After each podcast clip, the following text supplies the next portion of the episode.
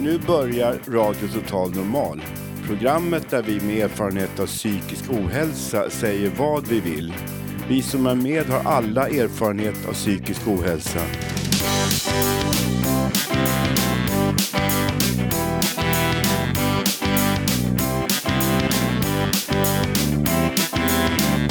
Du lyssnar på radio Total Normal. 101,1. Total Normalt. Radio Total Normal, torsdagar från två till halv fyra. Vi livesänder med publik från Götgatan 38 i Stockholm. Kom hit och lyssna. Här är alla röster lika värda.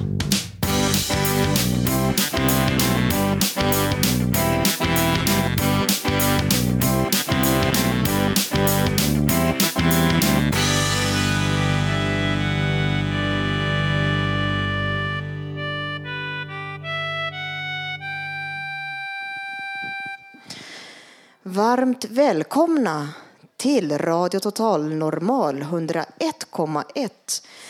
Vi sänder live ocensurerat från Götgatan 38 på Södermalm i Stockholm.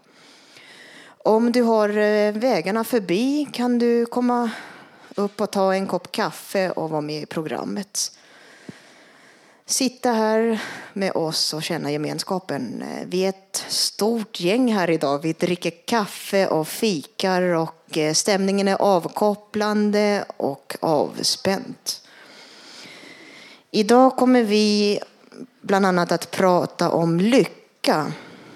Och eh, första gången idag får vi höra en paneldiskussion kring eh, vänskap. Hur fungerar vänskap? När, mår man då, när man mår dåligt? Betydelsen av vänskap. Jag som är programledare heter Susanna Skogberg. Då kör vi igång.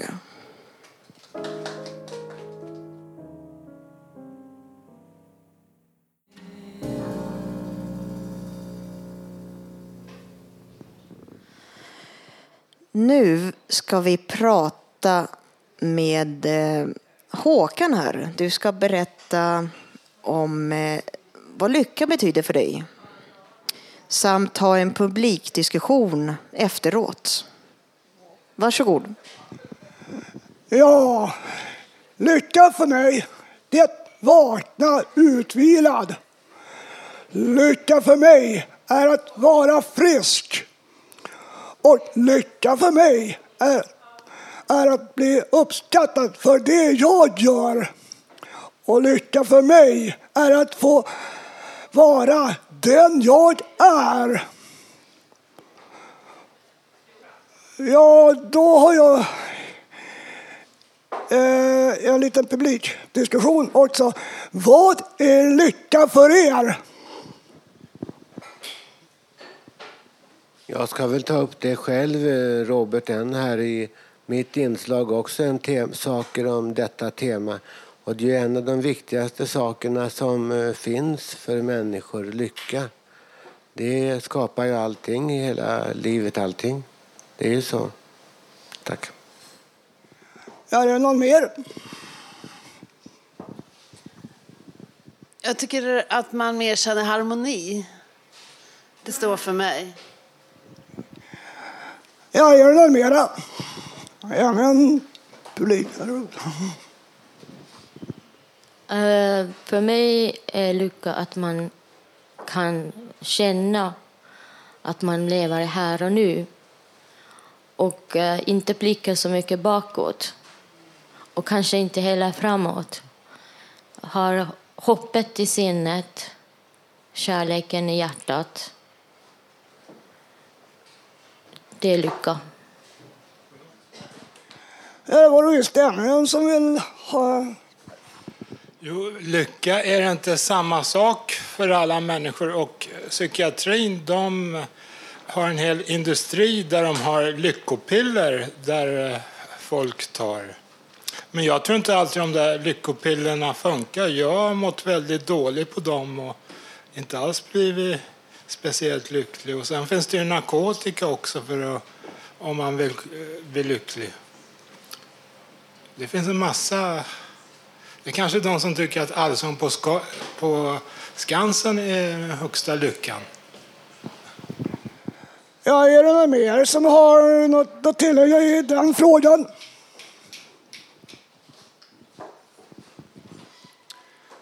Eh, lycka kan vara att man en gång i tiden berövades eh, chansen till självförverkligande. Man kanske höll på med studier som man fick avbryta. Och då säger många, till och med inom psykiatrin, att eh, man kan må väldigt bra om man senare i livet kan göra färdigt det man påbörjade i ungdomen. Att man kommer tillbaka som, som människa och, och, och får en andra chans. Jag tror, jag tror det kan vara lycka. Få en andra chans. Även fast man kanske är lite äldre än alla andra så kan det vara något, en vändpunkt i livet. Det tror jag är viktigt. Att, att man inte berövas hoppet. Ja, jag får tacka för alla intryck som ni ska höra det är mycket som är intressant. Tack för mig!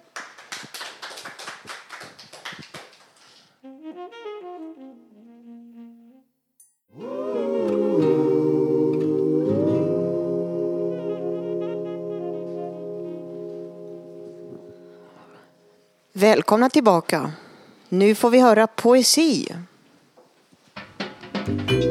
Poesi i Radio Total Normal.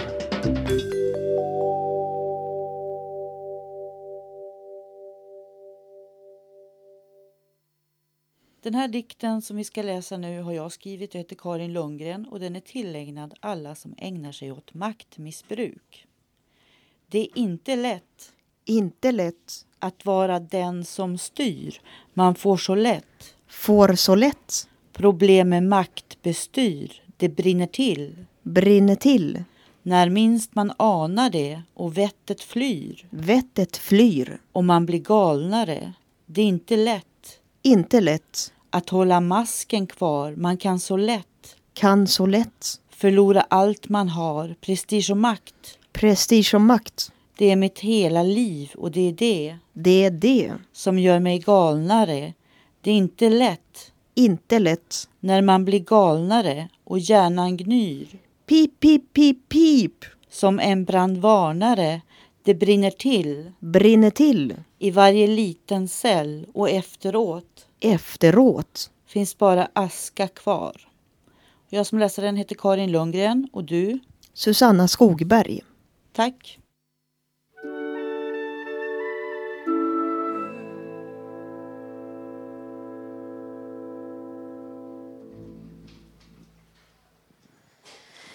Välkomna tillbaka till Radio Total Normal.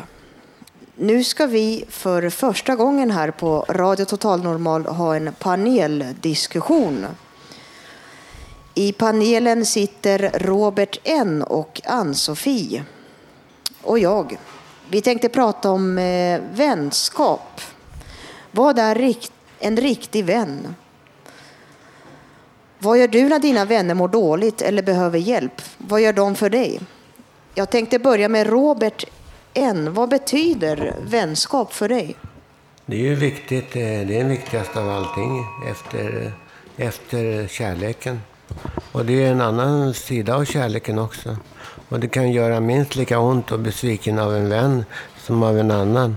Det är väl lite lättare kanske om man inte har så djupa förhållanden. Men det kan ju vara mycket svårt, svårt det också. Och här, här på Fountain House är det ju knappast några som är vänner. Rent krasst är det faktiskt så. Utan vi kommer hit på dagen och sen rusar alla hem till sina egna holkar på kvällen. Och det kanske var bättre för oss om vi kunde, om vi kunde umgås lite mer. Men jag vet inte. Vad tycker du Ann-Sofie om eh, vad betyder vänskap för dig? Nej, jag har svårt att uttala mig. Ja, det förstår jag. För mig, jag tycker vänskap, eh, alltså det är viktigare för mig att ha goda vänner än en pojkvän eh, till exempel.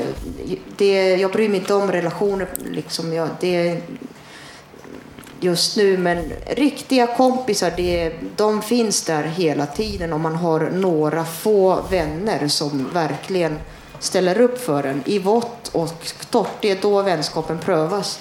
Vad tycker du eh, till exempel, eh, i viss, vilka situationer tycker du, Robert, en, ser du hur dina, att dina vänner finns kvar för dig? Har du märkt någonting, att det är riktiga kompisar du har? Vilka situationer?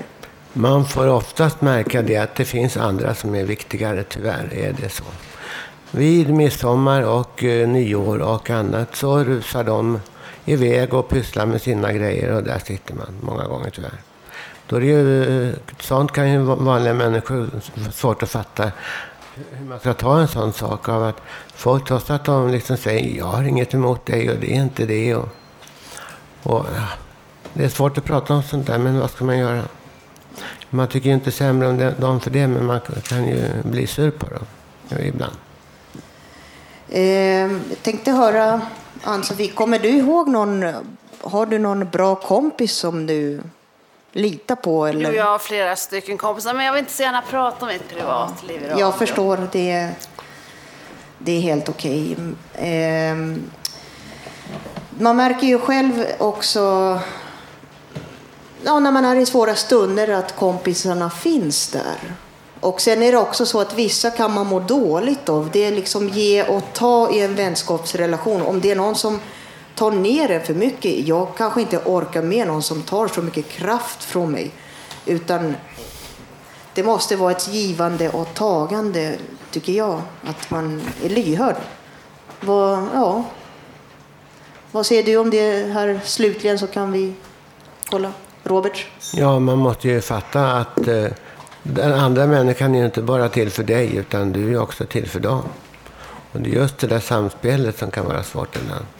Man kan ju kanske ta för mycket själv. Precis, man får liksom man kan inte kräva, tycker jag, av en person eh, att den ska finnas där hela tiden. Att man ska eh, vad heter det, ha någon form av vård, vårdare som hjälper en. Det är ja, vänskap, det är, det är så liksom. Det kan ju hända att de ringer upp dig någon gång och ska ha väldigt exalterade och ska ha stöd. Och då kan ju, hur väl man än vet, kan man liksom nästan gå i botten för att man märkte att jag grejar ju inte det där. Hur ska det, då jag kunna komma till honom nästa gång? Sånt kan ju hända. Det, kärleken kommer, men vänskapen den består alltid. Tycker jag i alla fall. Det är så. Tyvärr kan det, behöver det inte vara så. Tack. Okej. Okay. Då Tack. säger vi så. Tack. Okay.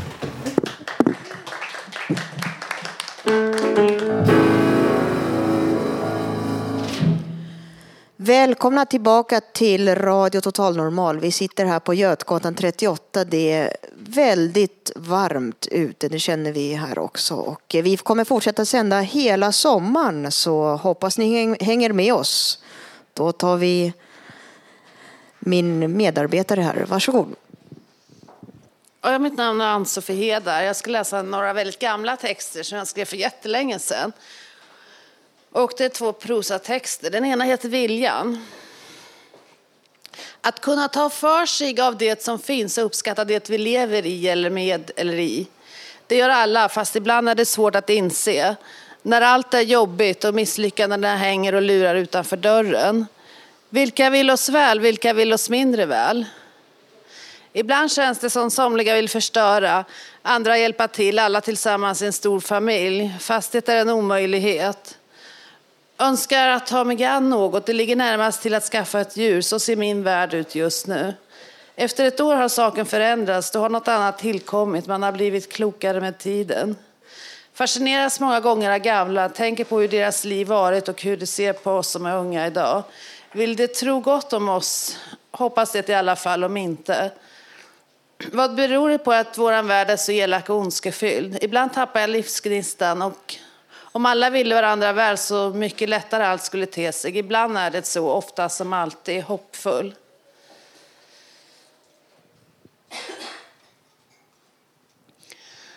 Och sen en liten text som heter Tvisten.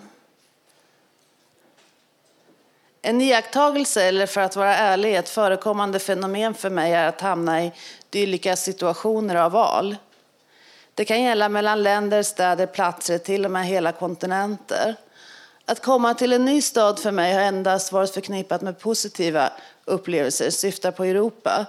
Fenomenet nyhetens behag känner de flesta till.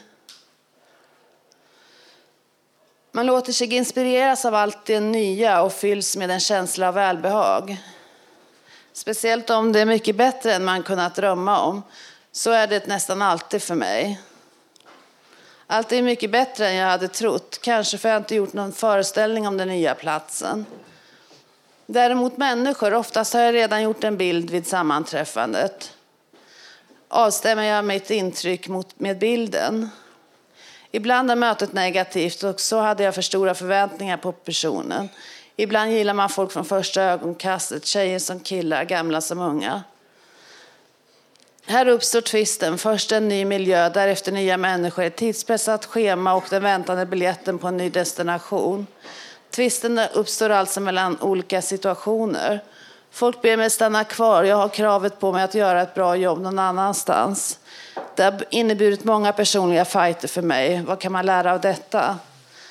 Att fatta beslut är en sak. Kommer man så långt att man aldrig ångrar sig har man kommit långt. Fast det är min lilla tvist. Tack Ann-Sofie.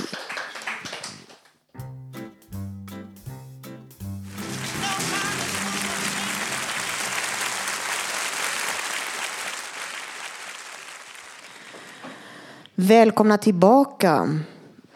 Nu ska Mr X berätta om eh, lite konstfackskvinnan Anna Odell. Varsågod. Ja, jag återkommer här. Sist så var det någon gång i januari, februari och då hade jag, befarade jag att eh, Anna Odell eh, mest tänkte på sin egen karriär och inte på de som är psykiskt funktionshindrade.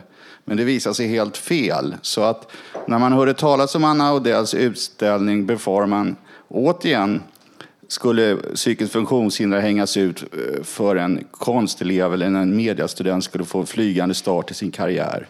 Efter att Anna Odell hade genomfört sin aktion att spela psykiskt sjuk och bli inlagd fick alla väntat ända till från vintern 2009 fram till försommaren i maj 2009 i och med Konstfacks examensutställning innan allmänheten fick svar. Utställningen gav svar på en mängd frågor. Anna Odell hade förberett sig själv genom att intervjua psykologer, mentalskötare, advokater om konsekvenserna av hennes tilltag att spela psykiskt funktionshindrad. Efter detta verkställde hon sin plan med att spela eh, psykiskt sjuk på en Stockholmsbro och blev omhändertagen av polisen och tvångsintagen samt tvångsvårdad.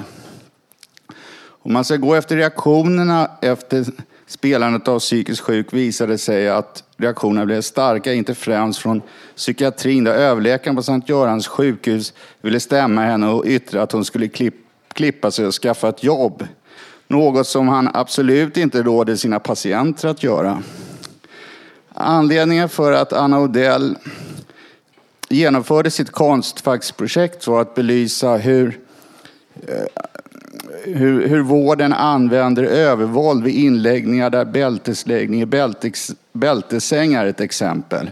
Överläkaren på Sankt Göran som skrivit en bok om människor som inte kan lösa konflikter med andra människor lyckades inte lösa sin privata konflikt med Anna Odell. Detta visar hur laddat detta ämne är.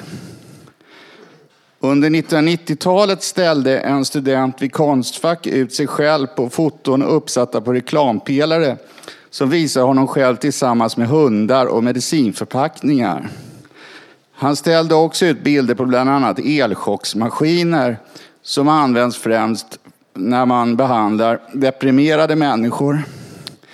I Anna Odells utökade utställning visas bilder på Anna Odell inspänd i bältessäng, vilket ger samma surrealistiska och verklighetskänsla som eh, hennes föregångare på Konstfack och hans konstfoton. Kanske kommer det ta ytterligare ett eller ett par årtionden innan man konstnärligt kan skildra effekten av avtrubbande medicin kombinerat med den allmänna uppfattningen att psykiskt funktionshinder är en person som stigit ner till djurens nivå. Man kan säga att det är tråkigt att så lite händer. Mentalsjukhusen är stängda men vägen till ett lika värde i samhället är lång. Vad tycker publiken om det här? Har ni diskuterat det här sinsemellan någonting eller? Är det någon som vill uttala sig? Ja, jag heter Janne. Jag skulle vilja säga det att jag också varit utsatt för väldigt mycket onödiga såna här bältesläggningar. Det var ju, var ju 1975 då på Långbro sjukhus. Jag, som tur var så hade jag eget rum där så att jag blev inlåst på nätterna som tur var. För att annars hade ju andra kommit kunna komma in där och, så, och bråka med mig. Och det var nästan varenda kväll var det bältesläggning och ligga i bälte. Och ibland var det så jag kunde inte gå på toaletten heller då. Man fick ju kissa på sig i bältet då. Och det där var väldigt mycket övervåld tyckte jag. Och sen har det hänt även på Huddinge sjukhus. Och det var ju någon, de hade det som en sorts sadistiskt hämndbegär hade de väl att man skulle, eh, någonting som, ja, de ska läggas i bälte för då vet man var patienten är åtminstone. Så där. Och sen var det, det var nästan jämnt det där och jag har hört väldigt mycket andra berättelser om vårdare som har misskött sig och varit väldigt otrevliga så vidare. Så att eh, jag ska uppmana psykiatrin att eh, ransaka sig själv faktiskt. Tack. Ja, det var ju väldigt eh, utredande svar vi fick här. Är det någon mer som vill uttala sig?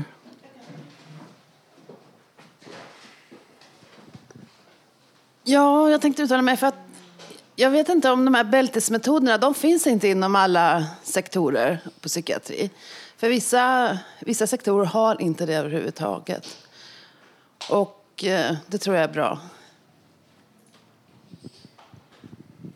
Jag har faktiskt aldrig legat i bältet trots att jag har eh, ganska lång erfarenhet av psykisk vård.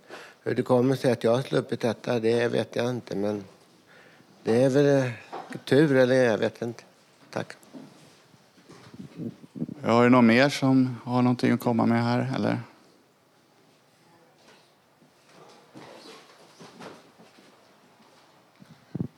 Eh, jag eh, var och såg den här utställningen på Konstfack.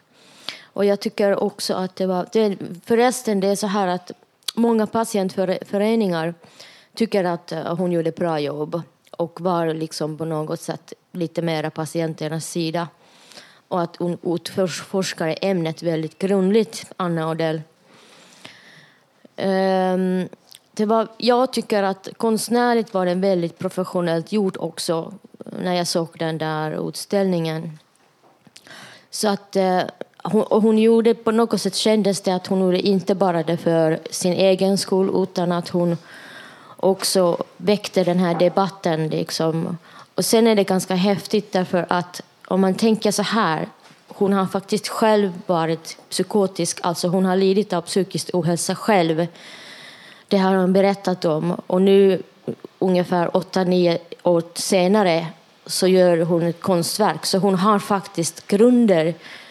Hon vet vad det är att utsättas på det sättet på riktigt också. Ja, tack. Är det någon mer?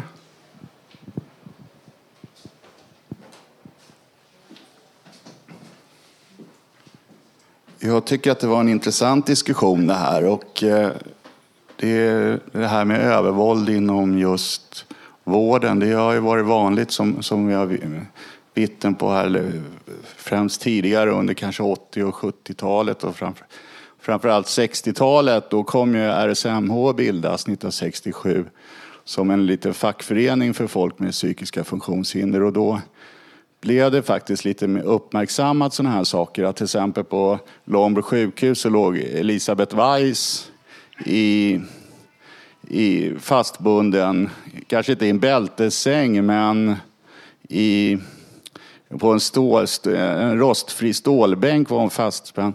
Eller i en säng förresten, i, i grindstugan först. Och där låg hon ett halvår eller någonting innan, hon, eh, innan någon från RSMH tog bilder på henne. Och, och när de kom ut så, så tittade de där och då såg de att kedjan hade rostat fast. Hon hade inte gått upp ur sängen på över ett halvår. Så att, det var ju fruktansvärt övervåld och man hoppas att nu, nu är det ju 2009 och inte eh, 1970 så att man hoppas att utvecklingen går vidare och att vi slipper sånt här. För att ofta går det att prata med patienterna. Man ska ha en dialog med patienterna och man ska inte skrämma upp dem. Om det kommer, kommer en liten kvinna kommer in på en avdelning och det springer eh, fem, sex män och ett par kvinnor och, och tränger in henne i ett hörn. Det är klart att hon blir rädd alltså. Så, så, så kan man inte göra. Det är vad jag ville säga. Men jag tycker i alla fall att, att hennes utställning var bra och belyser det här. Så att jag hoppas att det går bra för henne i framtiden och att hon kan utveckla sin konst. Tack så mycket. Tack. Ain't no sunshine when she's gone.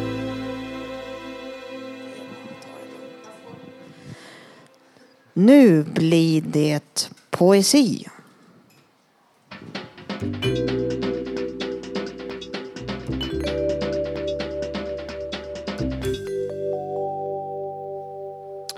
Hej, jag heter Thomas och ska läsa upp en dikt av Ulf Torell från Radio Total Normal.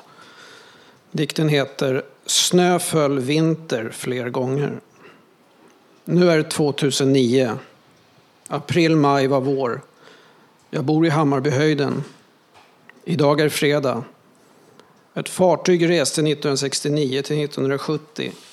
Jag arbetade på en tid sedan. Var ung.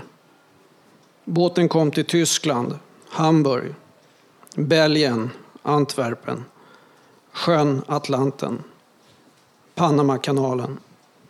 Jag var på ön Sydamerika. Nu är sommar. Igår var torsdag. Jag är 56. Oktober var höst. Vind blåser på sjö. Jul var december.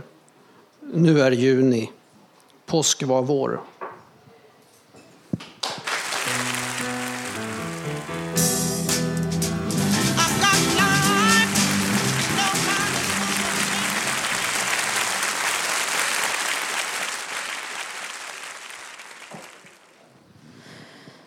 Du lyssnar på Radio Total Normal 101,1. Nu ska Rika, Radio Total Normals medarbetare, berätta för oss om samtiden. Varsågod Rika. Samtiden knakar. Samtiden flyttar på sig. Samtiden knisslar tänderna. Vad är samtiden? Det är någonting vi har gemensamt. Ingen kan förbigå sin samtid. Samtiden i den enskildes liv, samtiden i de stora sammanhangen. Man pratar om känslan av här och nu. Vad som är tidsmarkörer, levande händelser som är historia imorgon. Det enda som består är förändring. Samtiden är i ständig rörelse. Livet och döden är den enda teaterscenen som består så länge mänskligheten får bo kvar på planeten jord. Samtidens gestaltning tar form i allas liv, vardagslivets triviala former till stora sammanhang. När en viktig person dör påminns vi ofta livets lagar och stannar en stund och kanske fylls av filosofiska tankar. Förresten, det behövs inte vara någon kändis. Det kan vara en släkting till exempel som lämnar jordelivet. Min egen moster har dött. Hon ska begravas imorgon. Och jag är inte där. Därför att begravningen den, är, den händer här inte i Sverige. Samtiden är alltid aktuell. Nu och nu och nu, precis som hjärtat klappar. Det finns så mycket information som brusar genom öronen att allt fastnar inte i öronen och berättar då alla tidningar till exempel, berättar de sanningen? Informationen måste kunna tolkas och kritiskt granskas. När samtida historia blir historia finns det olika tolkningar. Det gör samtiden intressant och alla färgerna är med. på gott och ont. Jag tror att människor har fullt upp att bara leva och få det fungera. Hur ska man ha tid att fundera på alla händelser som händer just nu? Men det sipprar information som ändå får oss att fundera över olika händelser, stora som små. Det konstiga är att alla lever under någon slags samtid. Därför att eh, vårt liv är begränsat. Vi är just där med våra liv. Vi lever under en viss samtid och det är unikt. Viss kultur, vissa politiska händelser, språk och även en viss fotbollsmatch äger rum under ditt livstid. Familjehändelser också, kanske någon bröllop, dop, begravning. Allt vävs tillsammans under ditt livstid som är en, en del av samtiden. Samtiden är också en spännande fenomen. Man kan blicka bakåt och framåt för att förstå sin samtid. Lev väl och lev här och nu. Samtiden är också någon slags kittel. Det är något mystiskt i det. Allt är likadant, men ändå inte. Förändring på många olika plan händer och samtidigt och inte. Saker och ting är samma som de har alltid varit. Men allt går trots allt framåt. Det finns ingen återvändo. I sådana fall att man blickar bakåt med nostalgiska ögon. Du vet, allt var bättre förr. Eller, tiden går förbi och en och ingenting blir som förut. Men dessa tankar kan också vara lite åldersmässiga. Tidsuppfattningen förändras genom åren. Men uppgiften är att hitta sin samtid, hitta sin egen plats i det. Det är vårt gåva till livet, att leva här och nu, i samtiden.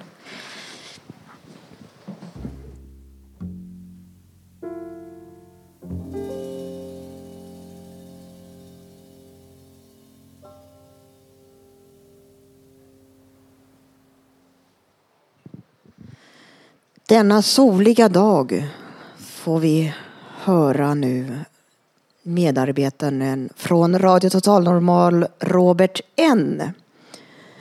berätta eh, ett debattinlägg. Varsågod. Ja, jag ska nu idag läsa ett debattinlägg. Och det är alldeles nyskrivet. Visst, jag vill jag med. Men vad ska man göra när ens egna resurser inte når upp till den funktionen att man får vad man behöver. Inkompetens, svaghet, dumhet. Vad är det? Är det vad som bestämmer allt? Visst, jag vill jag med. Visst, jag vill jag med. Men föranledd av anständighet frågar jag detta. Var börjar och slutar vår resa mot ljuset? Var slutar vår resa mot ljuset? Ja, alla vi smutsiga små var börjar och slutar vår resa mot ljuset? Visst, jag vill jag med. Men jag får aldrig, eller nästan aldrig, någonting. Väx av känsla, av kärlek eller vad. Så svag man ändå är. Man minns oftast bara gammal smärta. Man minns bara nålarnas stick rakt upp i ditt bultande hjärta. Någon du älskar och som är viktig för dig kan göra dig mer ledsen och mer rädd än någon annan. Men visst, du vill jag med. Men visst, jag vill jag med. Ändå är det ju bara så att älskar man, då är man sårbar. Visst, älskar du någon, då måste du ha behov och känslor framkomna för att nå önskat resultat. Sänka din gard och öppna ditt hjärta mot ljuset. För ljuset är ju kärlek. Ja, ljuset är kärlek. Ja, vad ska man göra om ens funktioner inte når upp till den styrka som resulterar i att man får vad man behöver. Visst gör man, vad gör man om man inte får vad ens själ skriker efter? Vad gör du om din själ inte räcker till? Om du inte är man nog att få vad du behöver? Vad gör då du stackare? Visst, jag, jag behöver jag med. Men var slutar och börjar vår resa? Var slutar vår resa? Var slutar vår resa mot ljuset? Ja, alla vi smutsiga små. Var börjar och slutar vår resa mot kärleken? För visst förstår nog du också, du människa, att du mår bättre om du får vad du behöver. Tack. Slut. Tack Robert.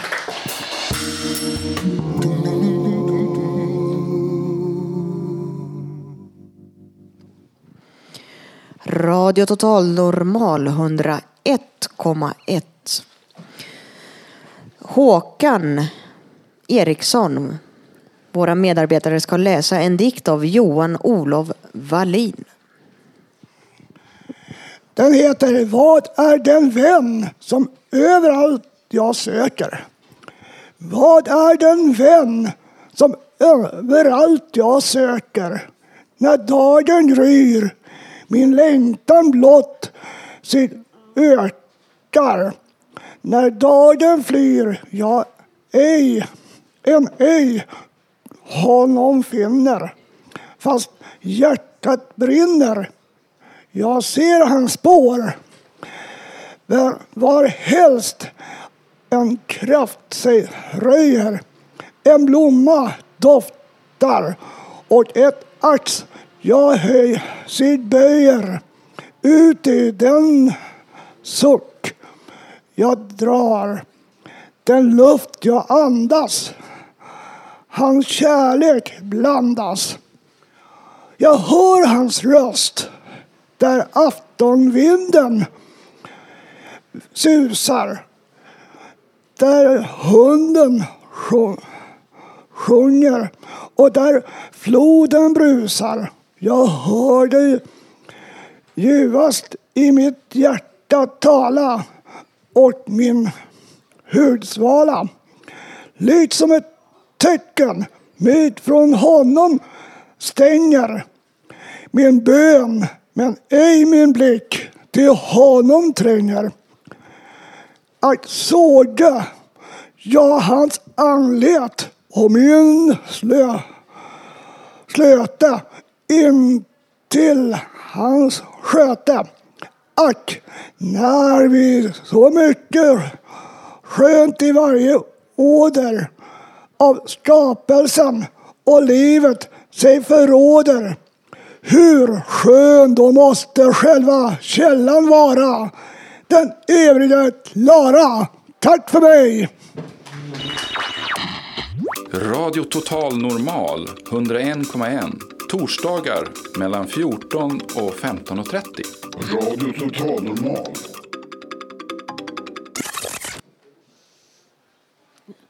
Jag ska läsa upp en dikt som heter Äventyret. Vi är ett glatt gäng som samlas till sinnesrogudstjänst i Årsta kyrksal på onsdagarna. Vi har en gemenskap ihop och trivs. Den värme, gemenskap, kärlek vi känner är så stark. Vi vill dela med oss av den, som ringar på vattnet sprider vi den bland våra medmänniskor. Vi känner sån tacksamhet inför livet, var dag är betydelsefull. Till och med vardagen innebär ett litet äventyr. Det är alltid något roligt som inträffar. När det känns tungt söker vi hjälp hos Gud som hör oss, lyssnar till oss och vi finner en tröst på vägen.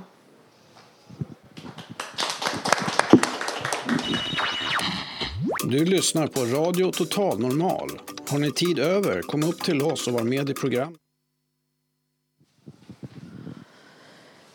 Karin Lundgren har eh, skrivit en dikt. Änglar. Änglar heter den här dikten. Och jag som läser den heter Karin Lundgren och jag har också skrivit den. Vad rör mig änglar? Vingar av guld har jag förlorat förut. Och jag har flygit bland molnen och vet hur lätt man faller ner.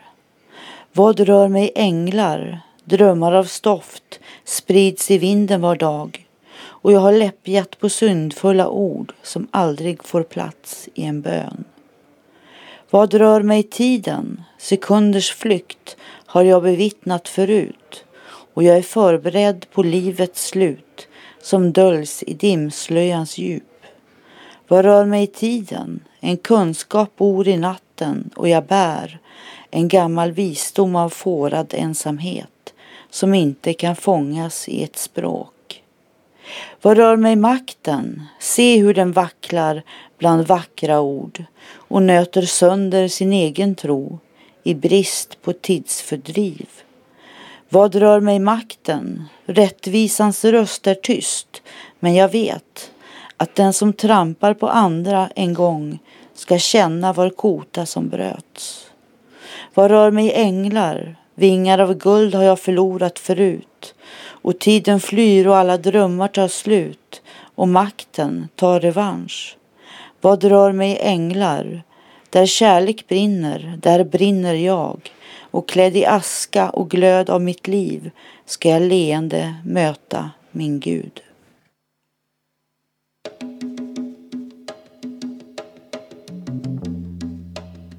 Dead.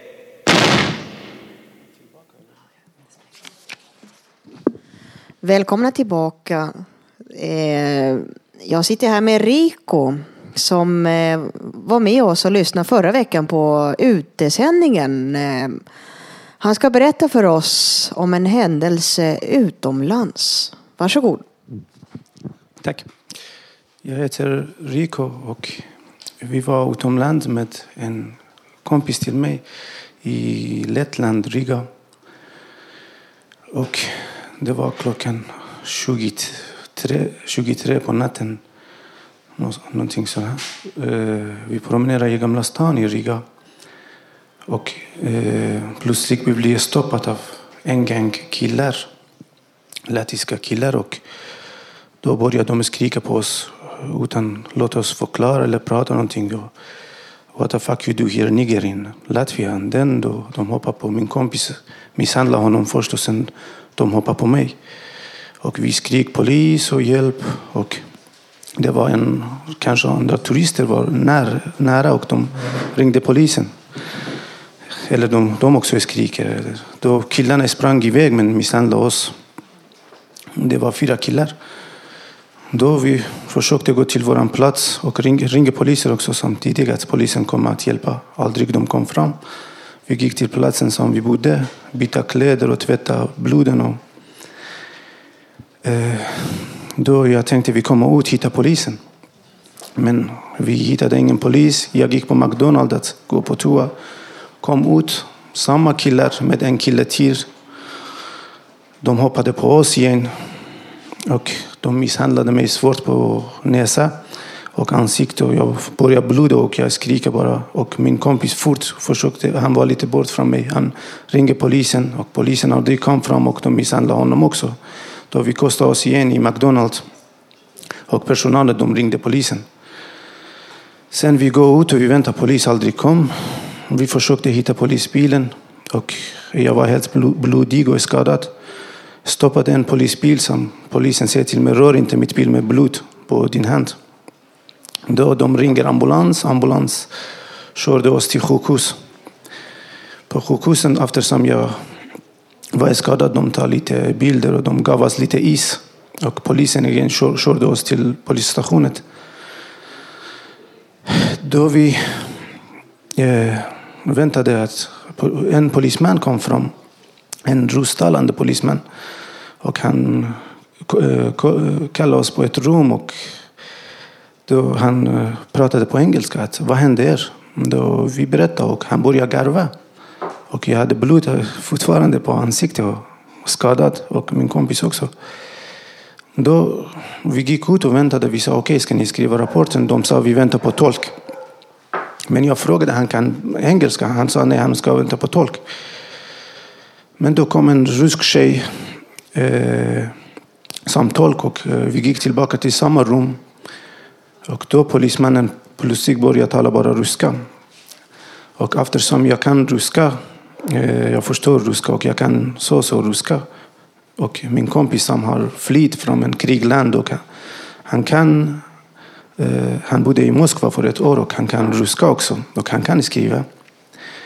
Men vi båda mörkutseende. Då polismannen började fråga tolket.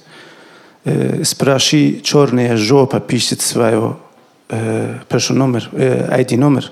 Och Tjorne Jopa betyder svart arsling. Och det han repeterar igen till tolket. Vi var redan skadade från deras hospitality och deras folk. Men då polisen kallas oss för svart arsling. Jag frågade min kompis om han hade telefon med kamera att ska filma polismannen, men han vågade inte göra. Då jag hade en gammal Nokia med mig, telefonen, och jag bara frågade tolken på engelska. Och jag låtsade fortfarande, jag förstår ingenting ryska. Och jag sa, kan jag gå, på toal- kan jag gå till toalett? Då jag går på toaletten, jag ringde till en vän till mig och eh, jag ber henne att hon ska spela in med hennes telefon. Allting, jag ska inte ligga på luren. Men då jag gick tillbaka och i alla fall vi spelade in samtalen lite grann. Och då jag, vi började fråga på polischefen och det, händelsen är lång och jag har inte tid att berätta allt. Då nästa dag jag ringer till Latvias presidentkansler eh, Enesa. Då hon blev ledsen. Hon sa okej, okay, skriv till oss vad hände och då jag kan ge dig en titt. Men jag var skadad i ansiktet och näsa och mådde jättepsykiskt dåligt. Jag kunde inte gå till henne. Jag skämdes att gå dit att, med det här ansiktet. I alla fall, vi skrev och vi berättade båda tiden eh, vad latviska killar attackerade oss och samma killar. De skickade eh, investigation till pol polischefen och eh, ombudsman och allting. Polisen nekar till brott. Och svensk polis kan inte hjälpa med det här. Det händelse utomlands. Och deras investigation, de sa att det var ryska killar attackerade er och det var inte de här killarna, de har bara separerat er.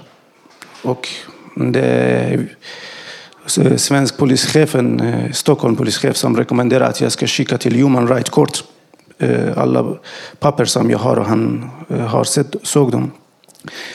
Men jag vill bara fråga att och det är en sak till. British ambassaden har varnat hans medborgare som ska inte åka till Latvia via BBC. Jag vill bara fråga svenska politiker att i alla svenska ambassader vi behöver ett telefonnummer som man kan nå hela tiden, emergency nummer. Att folk ska ringa mitt i natten eller utomlands om händer det någonting. Och det här telefonnumret spelar in automatiskt folksamtal och de kan hjälpa folk med det. Och tack för er tid. Tack ni lyssnade på mig. Got my shoes, my favorite too long to sit. Vi börjar närma oss slutet här i programmet och eh, vi har fått höra många fina dikter eh, om en händelse utomlands här. Spontant, mycket intressant att höra och paneldiskussion. Eh, du kan lyssna i efterhand på webben, www.radiototalnormal.se. Du kan skriva i gästboken, mejla synpunkter också, titta på bilder. Producent idag Iji Maciel. Tekniker Leni Günther. Musiken är lagd av Karin Lundgren. Jag som har varit programledare heter Susanna Skogberg. Lyssna gärna återkommande varje torsdag 14 till 15.30 101,1. Ta vara på sommaren och eh, ta hand om dina vänner som jag också tar hand om mina närmaste. Tack! Too crowded. Oh, if we never